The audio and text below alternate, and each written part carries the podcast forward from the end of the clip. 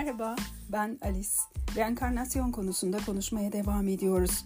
Bugün de e, özellikle geçtiğimiz yüzyıllardaki e, bütün doğum ölüm döngüsü e, fikir veya fikirleri ile uğraşan tüm araştırmacıların bu bilgiyi araştırma yolculuğunda ister Çin, ister Hindistan, isterse bambaşka memleketleri gerek kitapların içerisinde gerekse bizzat oralara, o diyarlara giderek yaptıkları seyahatler sonucunda insanlarla, gurularla, monklarla ve birbirinden e, saygıdeğer inanç sahipleriyle, insanlarla görüşmeler yaparak çok ilginç fikirler öğrenirler ve karşılaştıkları o fikirlerden birinden bahsedeceğim şu anda. O fikir cümle bana ait değildir tırnak içinde söylüyorum. İnsanlar enkarne olan varlıklardır ve her enkarne olan aslında bir avuç hatıradır. İnsan bir avuç hatıradan başka nedir ki? Her zaman enkarne olan enerji genel adıyla bilgi olarak nitelendirilir.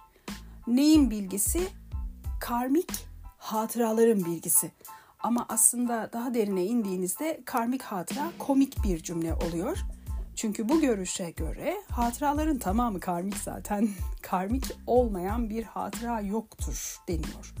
O yüzden Türkçe'de karmik hatıra derin seviyede çalışan biri için komik bulunacak bir cümle olabilir. Dolayısıyla burada madem hepimiz eskilerin düşüncelerine, atalarımızın düşüncelerine göre her defasında enkarne olan bir avuç hatırayız. O zaman gelin bu fikrin günümüzde yeniden dillendirilmesi, modern zamanlara, modern ötesi hatta zamanlara aktarılması ile ilgili bazı düşünürler, astrologlar, meditasyon uzmanları, genel olarak gurular, araştırmacılar neler yapıyorlar? Ne tür aktarımlar yapıyorlar bir bakalım. İşte bu düşünürlerden biri meditasyon uzmanı özellikle meditasyon alanında 30 küsür yıldır ciddi çalışmaları olan, evinde hiç oturmayan çünkü her telefon ettiğimde e, bu yüzden hep WhatsApp'tan yazmak zorunda kaldığım. Aa şu anda Massachusetts'teyim, şu anda Nepal'deyim, şu anda Mexico City'deyim, Alice şu anda şuradayım diye sürekli dünyada çok ilginç ülkeleri, kültürleri dolaşarak, araştırmalar yapmak için dolaşarak çantası sırtından hiç düşmeyen saygıdeğer yazarımız Alexander için kitabından bahsedeceğim. Ee, Alexander Imşiragic biliyorsunuz IMB Books yayın evimizin değerli yazarlarından biridir. Ve onun bazı kitaplarını Türkçe'ye çevirerek yayınladık. Bazıları da halen yolda. Kısa süre sonra umarım sizlere ulaştırmak mümkün olacaktır. İnsan her defasında bir avuç hatıra olarak bedenlenen bir varlık olarak algılanmış. Özellikle önce 5. yüzyıla kadar hele hele Vedizmin çok e, e, hakim olduğu bir görüş olarak hakim olduğu yüzyıllar boyunca ki günümüzde de biliyorsunuz dünyada milyonlarca insan e, bu inancı sürdürüyor. Eskilerin popüler düşünceleriymiş bunlar. İnsanların vefat ettikten sonra özellikle son nefeslerini verirken o süreçte akıllarından geçen, o süreçte titreşen ne kadar enerji varsa hepsinin hatıra olduğunu, o kişilere ait hatıralar olduğunu ve kişinin ruhu bir kez daha bedenlenene kadar ki bu astrologlarca doğal bir ölüm gerçekleştiyse bir Satürn döngüsü kadar sonra ruh tekrar bedenlenebilir gibi bir savunu da olmuş geçmişten günümüze. Ne kadar ilginç değil mi? Çok ilginç fikirler. Yani çok heyecan verici. Bunlara inanmışlar. Ve Ee, bir Satürn döngüsü de biliyorsunuz bazen 29,5 yıl sürer, bazen 30'dur, 31 yıl sürdü, süre haritada vardır. Hani gezegenler bilirsiniz yalpalayarak hızları değişken olmak suretiyle e, hareket ederler ve ona göre zaman zaman bu hesaplamalar değişir. Bir Satürn döngüsü sonra yeniden doğarlar demişler. İşte bu yaklaşık 30 yıl boyunca biz bedenen bu dünyada yokken bizim bu hatıralarımız hayvanları enkarne eden bir enerji alanı varmış. O enerji alanında saklanıyormuş. Yani dünyada hani hayvanlar var ya mesela kedilerimiz, köpeklerimiz ve diğer yılanlar sev, seviyoruz bütün hayvanlarımızı ve e, o hayvanları bedenleyen bir enerji alanı varmış. O enerji alanı madde boyutunda bizim hayvan dediğimiz bu güzel canlılarımız olarak görünüyor. İşte o enerji alanına bırakılmış bizim geçmiş yaşamlarımızdaki son nefesimizde ölürken gözümüzün önünden geçen hatıralar. Hı. Sonra biz yeniden doğmaya karar veriyormuşuz. Ee, işte biri var ölüyor ve ölü öldüğü anın üzerinden yaklaşık 30 yıl geçtikten sonra kişi yeniden doğuyor ya hani bu inanca göre. Kişi yeniden o güzel anneciğinin iç dünyasından dış dünyaya doğru çıkarken doğa anne, tabiat anne, dünya annemiz hayvan enerjisi alanında sakladığı bu ruha ait olan hatıraları bebeğe olduğu gibi geri veriyormuş. Yani hayvanlarla aramızda çok özel bir bağ varmış. Onlar biz bu dünyada bedenli değilken hatıralarımızı saklıyorlarmış. Yani bizzat Aslan'ın kendisi şöyle demiyor. Mahmut abi Başar Allah rahmet eylesin nasıl olsa geri gelecek. Merak etme Mahmut abi bütün hatıraları saklıyorum falan öyle bir şey demiyor yani. O aslanı da enkarne eden, bedenleyen bir enerji alanı varmış. Hı. İşte o enerji havuzuna bırakılıyormuş hatıralar. Yani aslanın kendisi e, böyle e, patileriyle onu saklamıyormuş hatıraları. Öyle bir yanlış anlaşılma olmasın. Olabilir çünkü yani sonuçta çoğunuz ilk defa duyuyor bu düşünceleri. Yanlış anlayabilir. Yani biz buralarda yokken, ölüler alemi dedikleri bir yerde iken bizim ruhlarımız, Batılılar oraya spatyom diyorlar biliyorsunuz. İşte bizim coğrafyamızda ışıklar, şey arş alemi göklerde olmak deniyor. E, işte örneğin Japon Budizminde ışık diyarı falan diye Türkçe çevrilebilir. Öyle bir diyar deniliyor. Hani gördüğünüz gibi bir sürü Budizmler ve dizimler çeşit çeşit yorumları var. Coğrafya ve kültürlere göre değişen. İşte birkaç tane böyle örnekler verdim. Biz bu dünyada yokken hayvanları enkarne eden enerji alanı oraya eril enerji alanı deniyormuş aynı zamanda.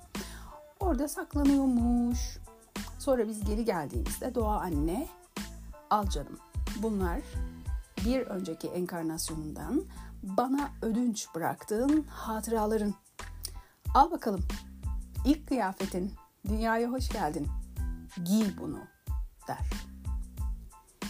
Ve biz insanlar bir önceki enkarnasyonun son nefesindeki tabiata bıraktığımız hatıraları bu yaşamımızın ilk nefesinde adeta ilk kıyafetimiz olarak giyiyoruz.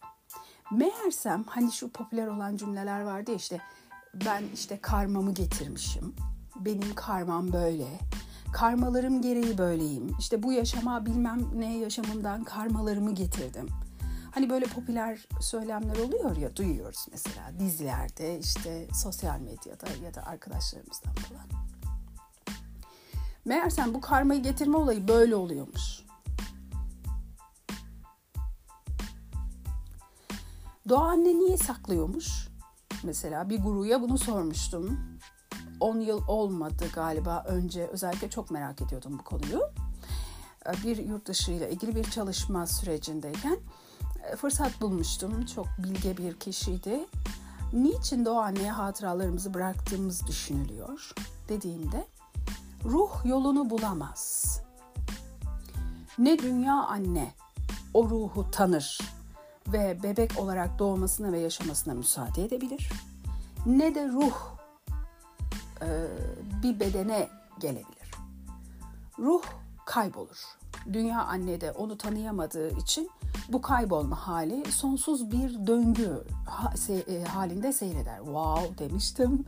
Uu, çok ilginç. Yani dünya anne Hmm, hayvan enerji alanında, kendi çocuklarının enerji alanında biz diğer çocuklarının hatıralarını saklayarak işte ruhumuz tekrar doğmak istediğinde meğersem yolunu kaybetmesin diye saklıyormuş ve bizi de unutmamış oluyormuş. Çünkü dünya annenin hafızasından silinirsekmişik doğamıyormuşuk. wow, çok havalı.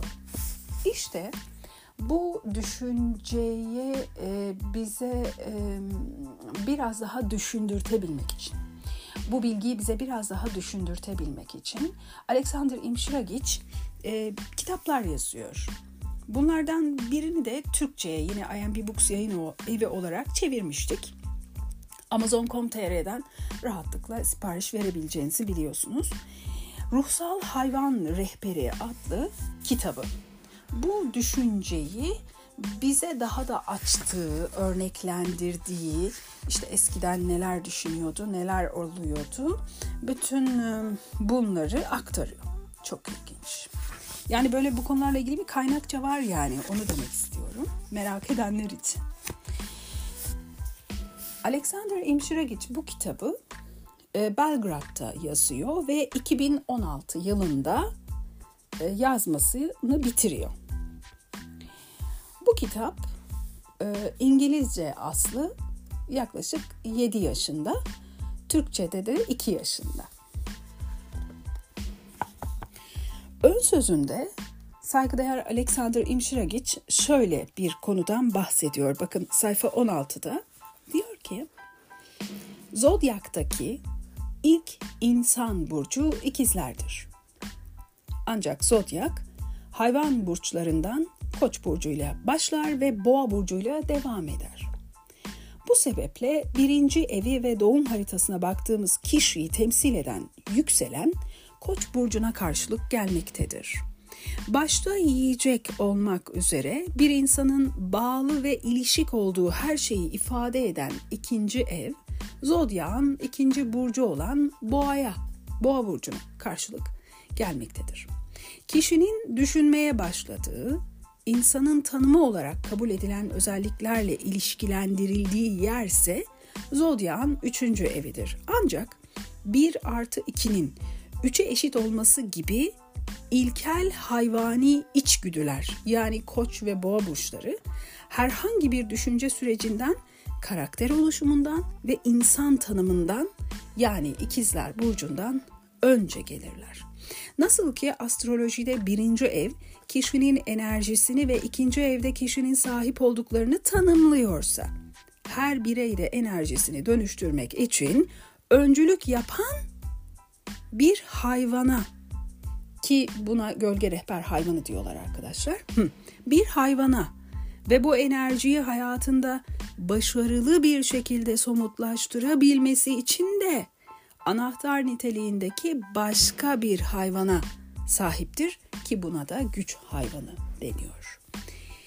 Bilinç altımızı diyor Alexander Imshiragic. Burada bilinç altı kavramını bu psikoloji biliminde kastedilen anlamda kullanmıyor. Zaten e, Freud'u gayet iyi biliyorsanız onun aslında bilinç dışından bahsettiğini bilir ve bilinç altını Türkçe düşüncede yeniden düşünmek ve tanışmak hatta kavramla yeniden tanışmak ve tartışmak zorundayız. Burada karıştırılmasın sizin günlük dilde kullandığınız bilinç altı kavramından bahsetmiyor Alex. Bilinçaltımızı, hayvan doğamızı tanıdığımızda bu evet evet onu söylemedim. Bir saniye.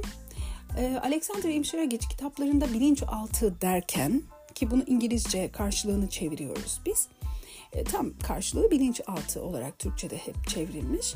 Bilinçaltı derken geçmişte bedenlenmiş olduğumuz hayatlarımızdan geriye kalan hatıralar ile gelecekte bedenlenecek olduğumuz hayatların hatıralarının bulunduğu bir alan. Okey? Bilinçaltı derken bundan bahsediyor. Hayvan doğamızı tanıdığımızda enerjimizi nasıl dengeleyeceğimizi, hayvan doğamız enerjimizi nasıl dengeleyeceğimizi ve düzgün bir şekilde nasıl kullanacağımızı öğreniriz diyor. Her şeyden önce bu enerji karmamızın üstesinden gelme gücünü bize veren atalarımızın enerjisini bir araya getirir ve nihayetinde içinde bulunduğumuz enkarnasyonu aktive eder. Yani bu yaşamda her ne için doğduysak o şey uyanır ve başımıza gelir ne güzel. Ve genelde insanların hep iyi şeyler yapmak için doğduğu ön kabulü olduğu için herkesin darmasının ki biz yaşam amacı anlamında darmayı burada kullanacağız yoksa darmanın binlerce anlamı var biliyorsunuz. Biz yaşam amacını kastettik şu an. İnsanın yaşam amacının genelde pozitif, yapıcı, olumlu, ekolojik olduğu savunulduğu için eski görüşlerde de yani kimsenin yaşam amacı bu dünyayı savaş çıkarmak için gelmek değil mesela. Hı. Ya da açlık yol açmak değil mesela.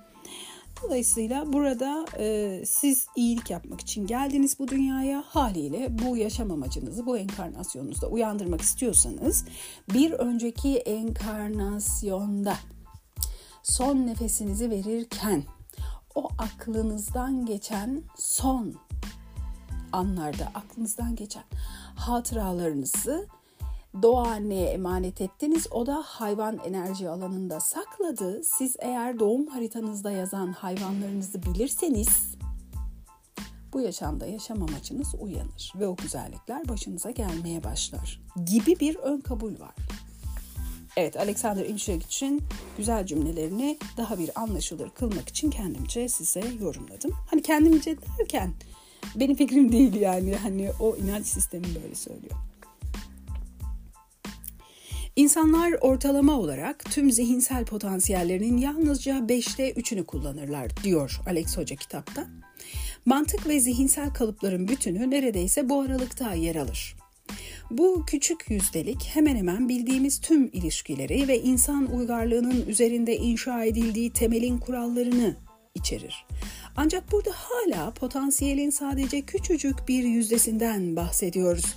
Geriye kalan %95-97'lik kısım gerçekliğin tamamen farklı seviyelerine aittir ve bu kısım daha kapsamlı olsa da hala insan potansiyelinin bir parçasıdır.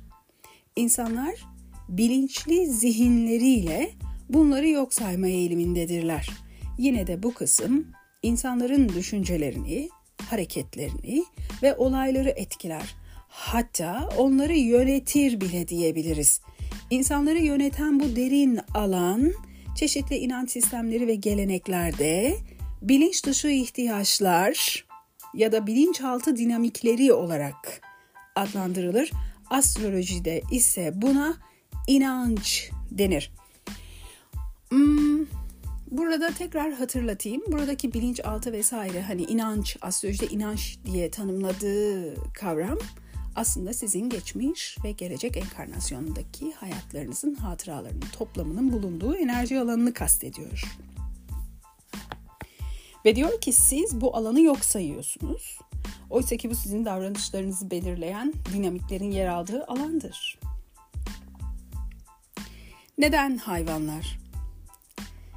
Alexander Imşiragic size diyor ki kitabında ben bir astroloğum. Yaşamdaki şeylere olan bakış açım ve düşünce şeklim sebebe bağlı olmayan bağlantılar olarak adlandırılan mekanikleri anlamak adınadır. Bunlar görünüşte rastlantısal olayları durumları ve ilişkileri oluşturan derin bağlardır. Burada rastlantısal kavramı tırnak içinde alınmıştır ve hepsi %95-97'lik keşfedilmemiş gerçekliğimizden gelmektedir. Güneş sistemindeki gezegen hareketlerini ve onların uzak yıldızlarla olan ilişkilerini inceleyerek aslında insanın bilinçli zihninin beşte üçünün ötesine bakıyorum. Ve her şeyin nasıl birbirine bağlı olduğunu fark ediyorum. Yunan Hermes'e veya Mısırlı Tod'a atfedilen Zümrüt tabletin giriş cümlesinde şöyle yazar. Aşağıda olan yukarıda olan gibidir. Yukarıda olan aşağıda olan gibidir ve birlikte tek bir şeyin mucizesini gerçekleştirirler. Astroloji ile ilgili her yazının temeli olan zodyak çemberi Yunanca'da hayvanların çemberi anlamına gelen zoidiakos kelimesinden türemiştir. Modern zodyak çemberi hayvan figürlerinden daha fazlasını içerir. Aslında o hayvanların yanı sıra bilincimizin altında yatan ve inanç gibi kaçınılmaz belirli akışlar içinde görünmez bağları ile bize rehberlik eden ilk alana atfedilmiştir. Dolayısıyla kader mekanizmasını anlamamız için hayvanların hikayesini derinlemesine anlamamız gerekir.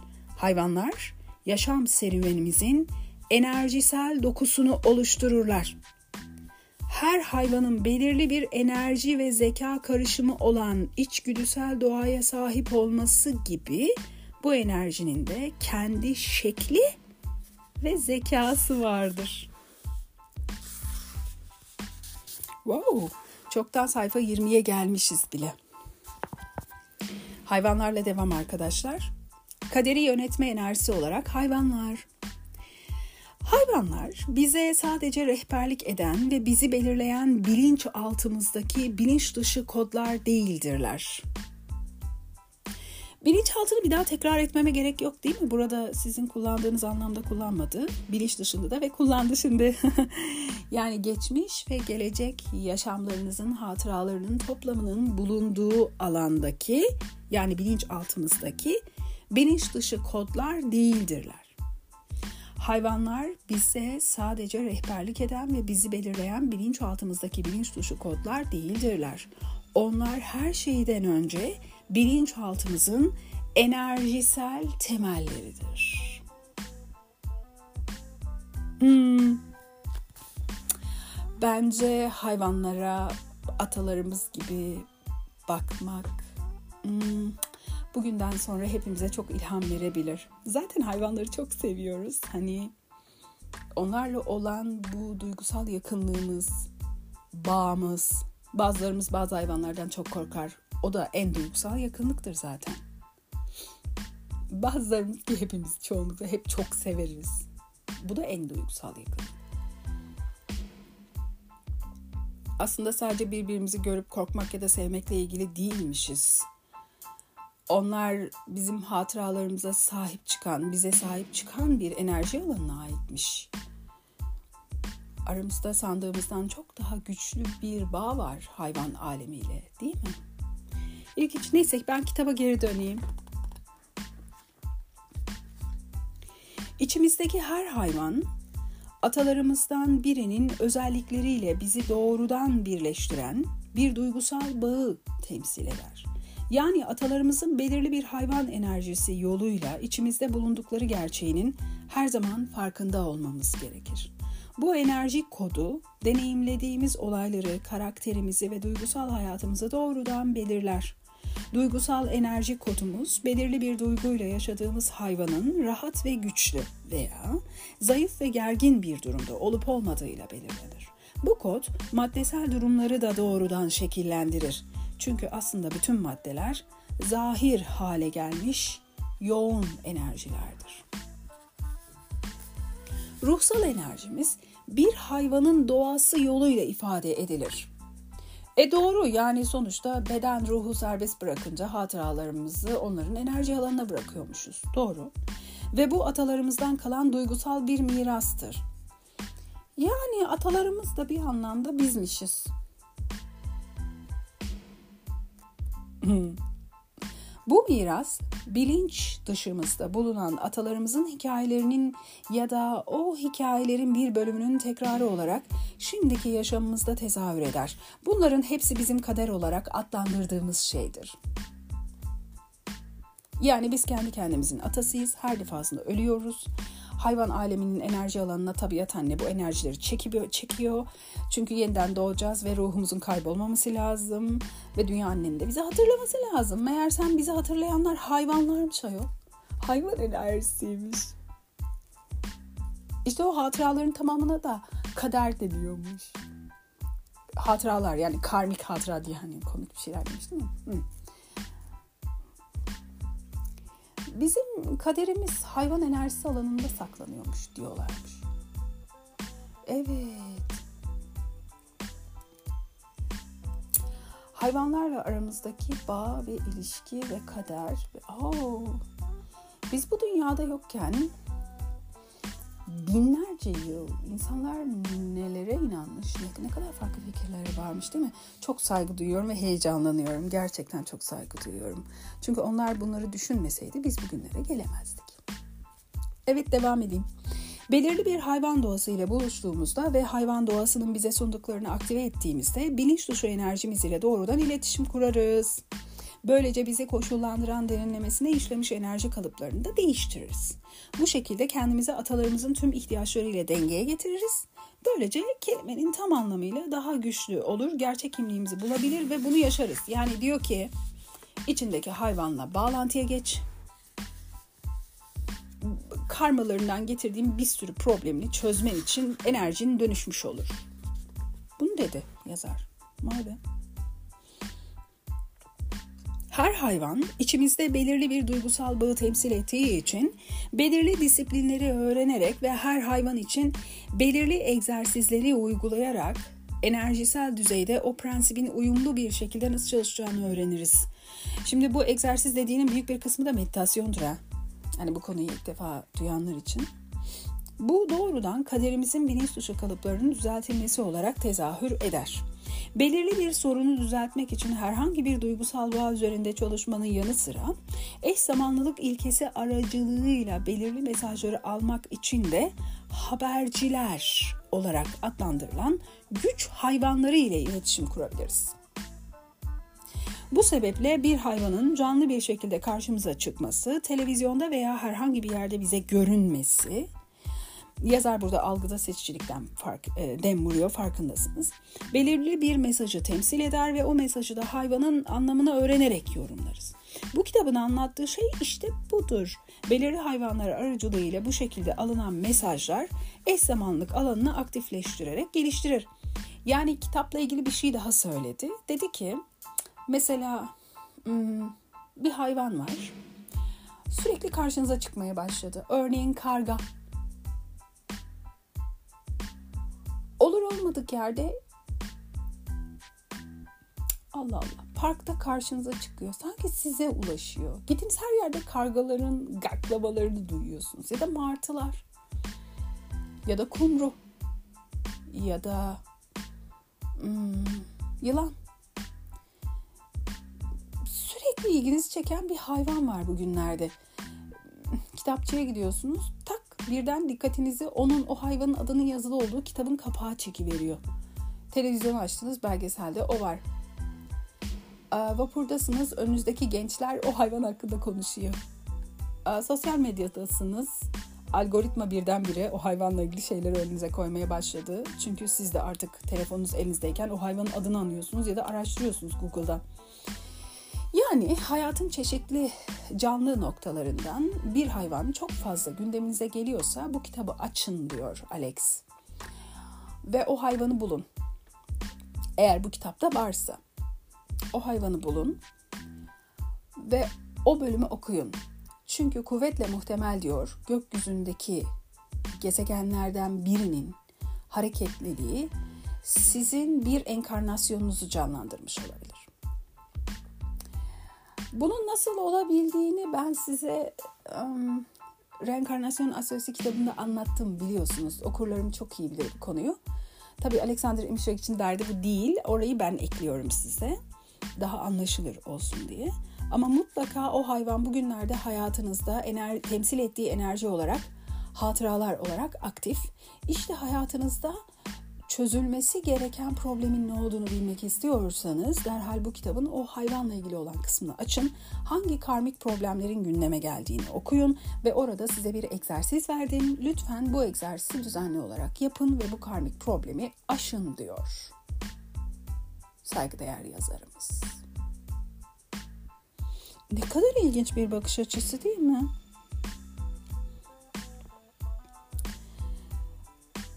Haberciler olarak adlandırılan güç hayvanları ile iletişim kurabiliriz. Bu sebeple bir hayvanın canlı bir şekilde karşımıza çıkması, televizyonda veya herhangi bir yerde bize görünmesi belirli bir mesajı temsil eder ve o mesajı da hayvanın anlamını öğrenerek yorumlanırız.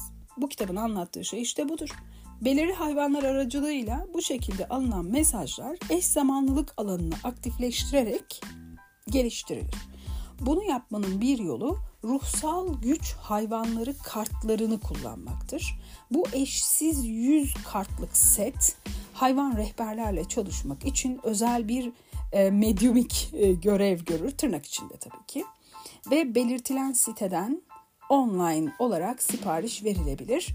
Bu site www.anbbooks.com Adana, Edirne, Niğde, Bolu, İzmir, Bolu, Ordu, Ordu, Kastamonu, Sivas.com ambooks.com veya Amazon.com.tr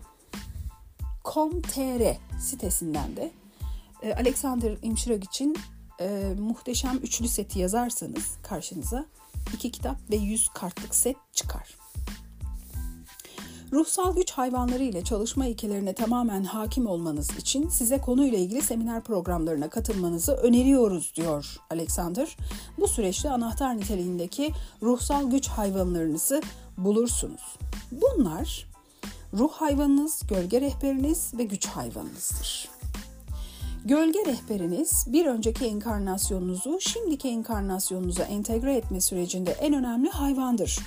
Bu rehberle tanışmanız ve uyumlu bir titreşim yakalamanız sayesinde korkularınızla nasıl başa çıkacağınızı, çeşitli korkular ve düşmanlar kılığında bugüne kadar engellenen enerjinizi nasıl özgürleştireceğinizi ve ihtiyaçlarınızı sağlamak adına bu enerjiyi yararlı bir şekilde kullanmaya nasıl başlayacağınızı öğreneceksiniz diyor.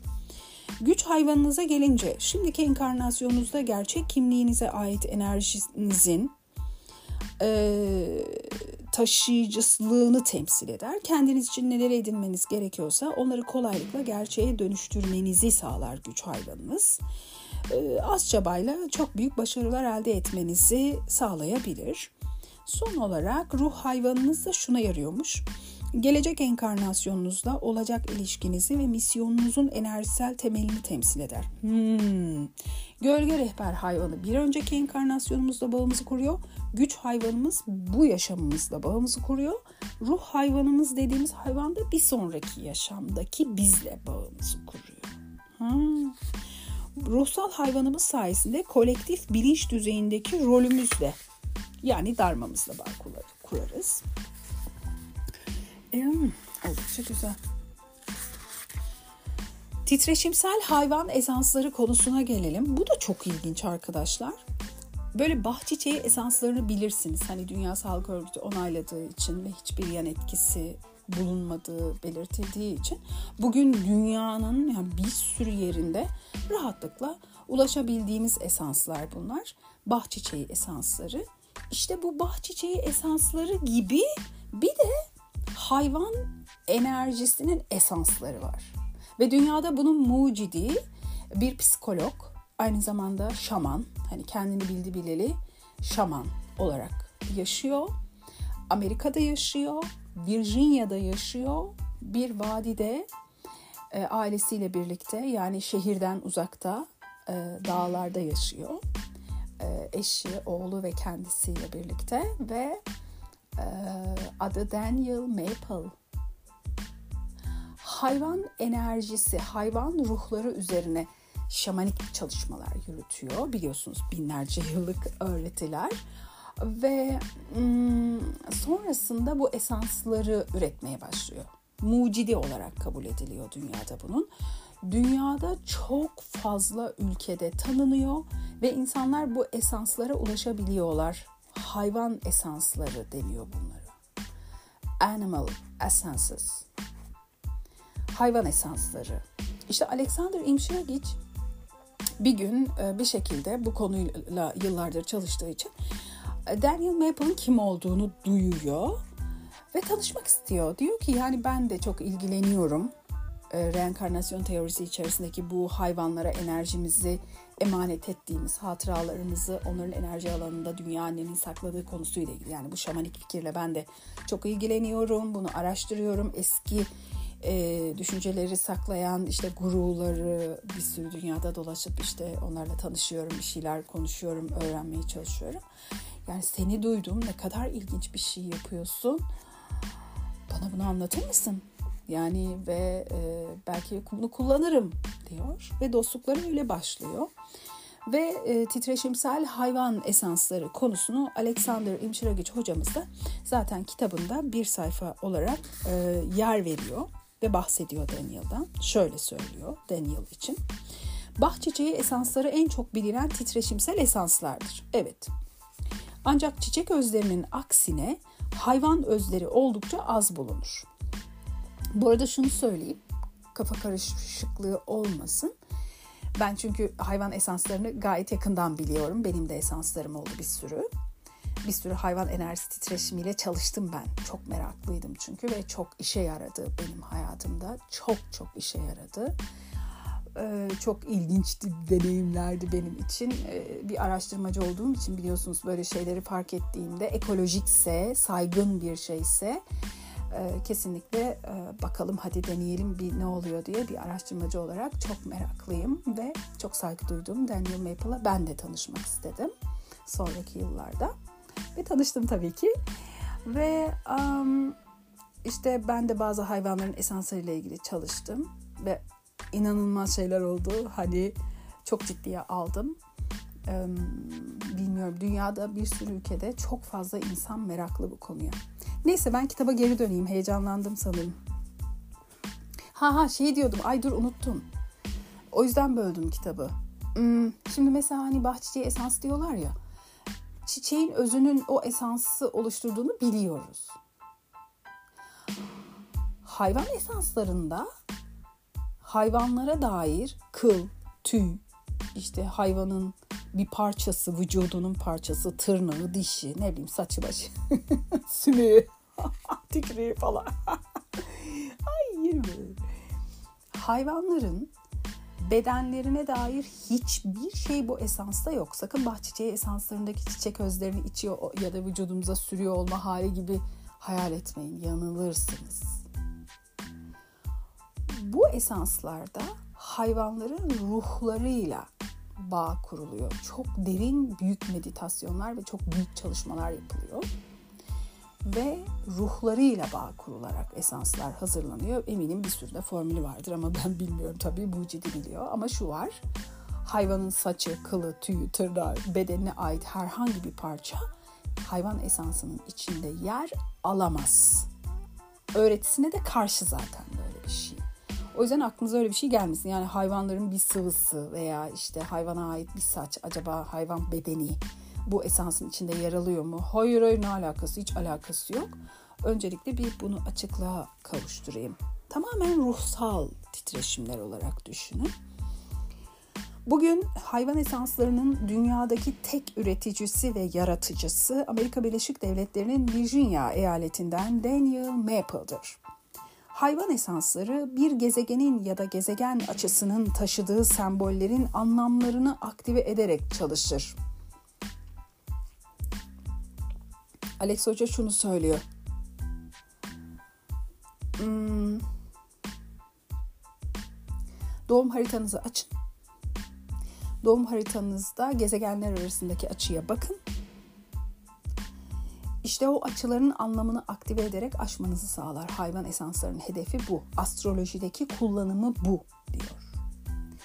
Mesela ne diyelim doğum haritanızda Merkür var mesela ve Merkür'ünüzün birçok açısı var. İşte Ay Merkür kareniz var, Merkür Plüto karşıtlığınız var, Merkür Jüpiter üçgeniniz var ya da kareniz ne bileyim Merkür e, Güneş kavuşuyor, Venüs kavuşuyor gibi gibi. Siz Merkür'ün kurt demek olduğunu bilmelisiniz.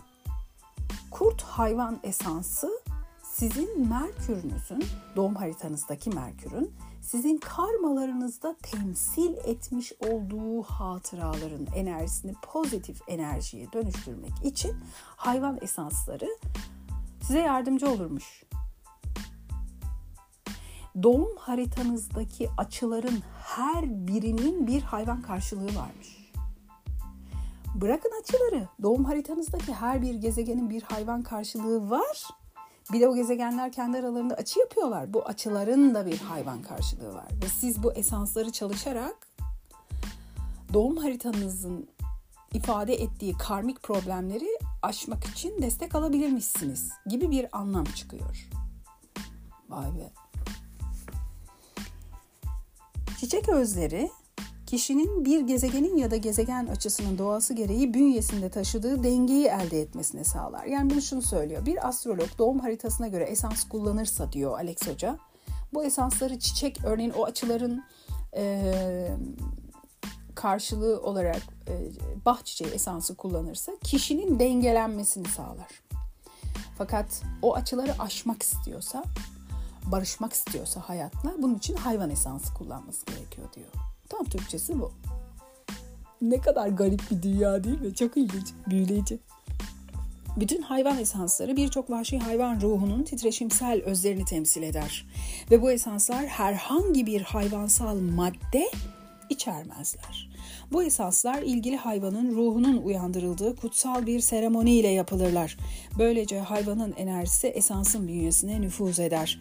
Daniel Maple tarafından üretilen esanslar gezegenleri yaratıcı bir şekilde aktive etme amacının yanı sıra birçok zorlayıcı gezegensel açıyı olumlu yönde etkilemek ve dengelemek için ruh hayvanları ile çalışırken de kullanılabiliyor diyor. Bu kitapta anlatılan 100 hayvan Daniel Maple tarafından üretilen titreşimsel hayvan esansları şeklinde de bulunurlar. Yani bu hayvanların her birinin esansı da mevcuttur. Ruhsal güç hayvanları ile ilgili olan seminer programı diye devam ediyor. Daniel Maple ruhsal psikolojinin ustasıdır ve Wild Earth Animal Essences şirketinin de kurucusudur.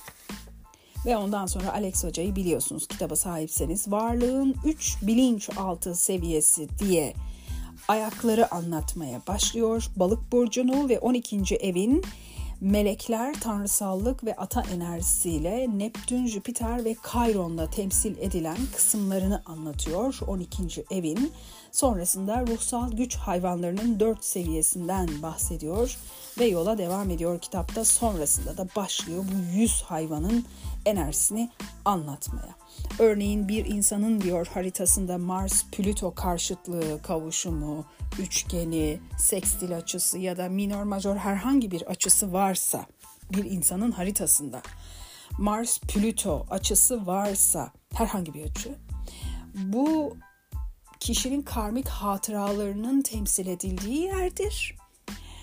Ve meğersem kişi vefat ederken beyaz gergedan olarak enkarne edilen hayvanın enerji alanına bırakmış o karmik e, hatıralarını. Mars Plüto açıları beyaz gergedana karşılık geliyormuş. Meğersem e, bu kişiler çoğunlukla bilge ve yalnız kişilermiş. Haritasında Mars Plüto açısı olan kişiler bilinçli olarak çok fazla yalnız vakit geçirmeye karar verirlermiş hep kendi kendileriyle.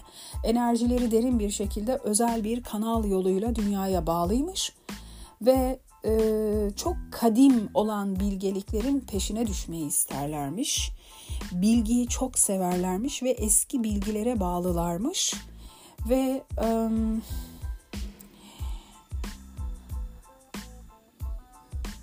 eğer Mars Plüto olumsuz açısı olumluya dönüştürülürse bu kişi konforlu bir hayata ulaşıp gayet istikrarlı bir şekilde canı hangi yöne gitmek istiyorsa o yönde ilerleyebiliyormuş. Mesela bu da bu kitaptan bir şey. Hatta Alex Hoca burada egzersiz de veriyor. İşte bu kişiler doğaya çıksın, kumun ve toprağın üzerinde ayakta dursunlar. Dünya ile çok güçlü bir bağ kursunlar. E, bu çamur maskeleri, toprak mineralleri falan e, bunları yapsınlar sık sık. Zihinlerini sakinleştirmek için böyle meditasyonlara falan katılsınlar diyor. Vay be. İşte bunun gibi ha yani doğum haritanızda bir açı var ve o açının e, karmasının hikayesini okumak istiyorsanız Alexander Mishrak için Ruhsal Hayvan Rehberi kitabını edinmeniz yeterli. Onun içerisinde hemen açınızın buluyorsunuz. İşte Mars Plüto açınız var. Ee, Mars Plüto yazan kısmı buluyorsunuz. Aa beyaz gergedan yazıyor. Hatta şeyi de yapın. Mars Plüto'yu buldunuz bir de tersinden bakın. Plüto Mars. O da başka bir hayvan demek. Ona da bakarsınız. Sonra işte diyor ki eğer siz size kitapta verdiğim egzersizlerle birlikte bir de Daniel Maple'ın e, icat ettiği bu hayvan ruhlarıyla bağlantıya geçerek örneğin beyaz gergen gergedan e, esansı bununla ilgili de çalışma yapabilirseniz çok daha e, ilginç, e, olumlu ilerlemeler yaşayabilirsiniz diyor. Bunları Alexander Hemşire hiç kendi zihninden çıkarmıyor. Bunlar eski inanç sistemleri ve buna meraklı olan böyle meraklı tipler. Bu, bunlar ekolojik çalışmalar. Ee, bazı insanlar için böyle çok saçma bu ne be ya çok saçma ne biçim böyle kaçıncı yüzyıldayız uğraştıkları şeylere bak ee, diyebilirler. Gayet de mantıklılar ve gayet de doğal bu söylemleri. Ama onların bilmediği bir şey var. Ee, yaşamda ilham e, arayışçıları da vardır. Herkes onlar gibi e, sadece madde odaklı olmak zorunda değil. Hepimiz bu dünyada yaşıyoruz. Akıl en önemlisidir bilim en önemlisidir sanat en önemlilerdendir. Fakat ilhamsız, e, geçmişimizi bilmeden ilginç fikirlere de böyle hmm, bakalım burada ne diyorlarmış merakıyla, çocuksu merakla yaklaşmadan e, bizler tam olarak insan olma yolculuğumuzda tam ve bütün hissedemeyiz. Dolayısıyla bazı insanlar da ilham arayışı içindedirler. Hem gelecekte hem geçmiş bilgilerin içinde bunu arayabilirler. O insanlara saygı duymak boynumuzun borcudur. Herkese saygı duymak boynumuzun borcudur. Evet, işte böyle. Daniel Maple'la tanışmak ister misiniz? Daniel tarihinde ilk defa Türkiye'ye gelecek. Ee, ve Türkiye'de Daniel Maple e, bizlerle konuşmalar da yapacak ve bize kendi esanslarıyla ilgili sorularımızı cevaplayacak. Türkiye'yi ziyarete geliyor. Ee, bununla ilgili bilgi edinmek istiyorsanız da e, IMB Books Instagram sayfamıza bakabilirsiniz. Orada daha ayrıntılı bilgiler var. Hmm, kim bilir belki ilginizi çekmiştir. Sevgi ve saygılarımı sunuyorum. Benim için oldukça keyifli bir podcast oldu. Çünkü uzun bir süre yine sağlıkla ilgili e, çalışmalar yapıyordum bedenim üzerinde biliyorsunuz. Hatta arada öksürür müyüm ya falan diye endişelenmiştim ama arada sesimin böyle e, farklı çıktığını hissedeceksiniz. Normal düz bir akış olmadı. Bazen yutkunmak zorunda kalıyordum. Ama cesaretime hayranım yani yine de başarabildim sanırım 48 dakikadır aralıksız konuşuyorum çünkü. Hmm. Hayat her şeye rağmen çok güzel ve her şeye rağmen e, ruh sağlığımızı, akıl sağlığımızı, beden sağlığımızı korumaya özen göstererek beslenmemize dikkat ederek, uyku saatimize dikkat ederek, izlediğimiz filmlerin, okuduğumuz kitapların, sohbet ettiğimiz e, insanların enerjilerine dikkat ederek, bizim insanlara sohbet esnasında aktardığımız enerjiye dikkat ederek birbirimizin hayatını kolaylaştırmak için hareket ederek yaşamaya devam edeceğiz yine. Evet, bir sonraki podcast'te görüşmek üzere. Kendinize çok çok iyi bakın. Ben Alice. Harikalar Diyarıma geri dönüyorum. Bye.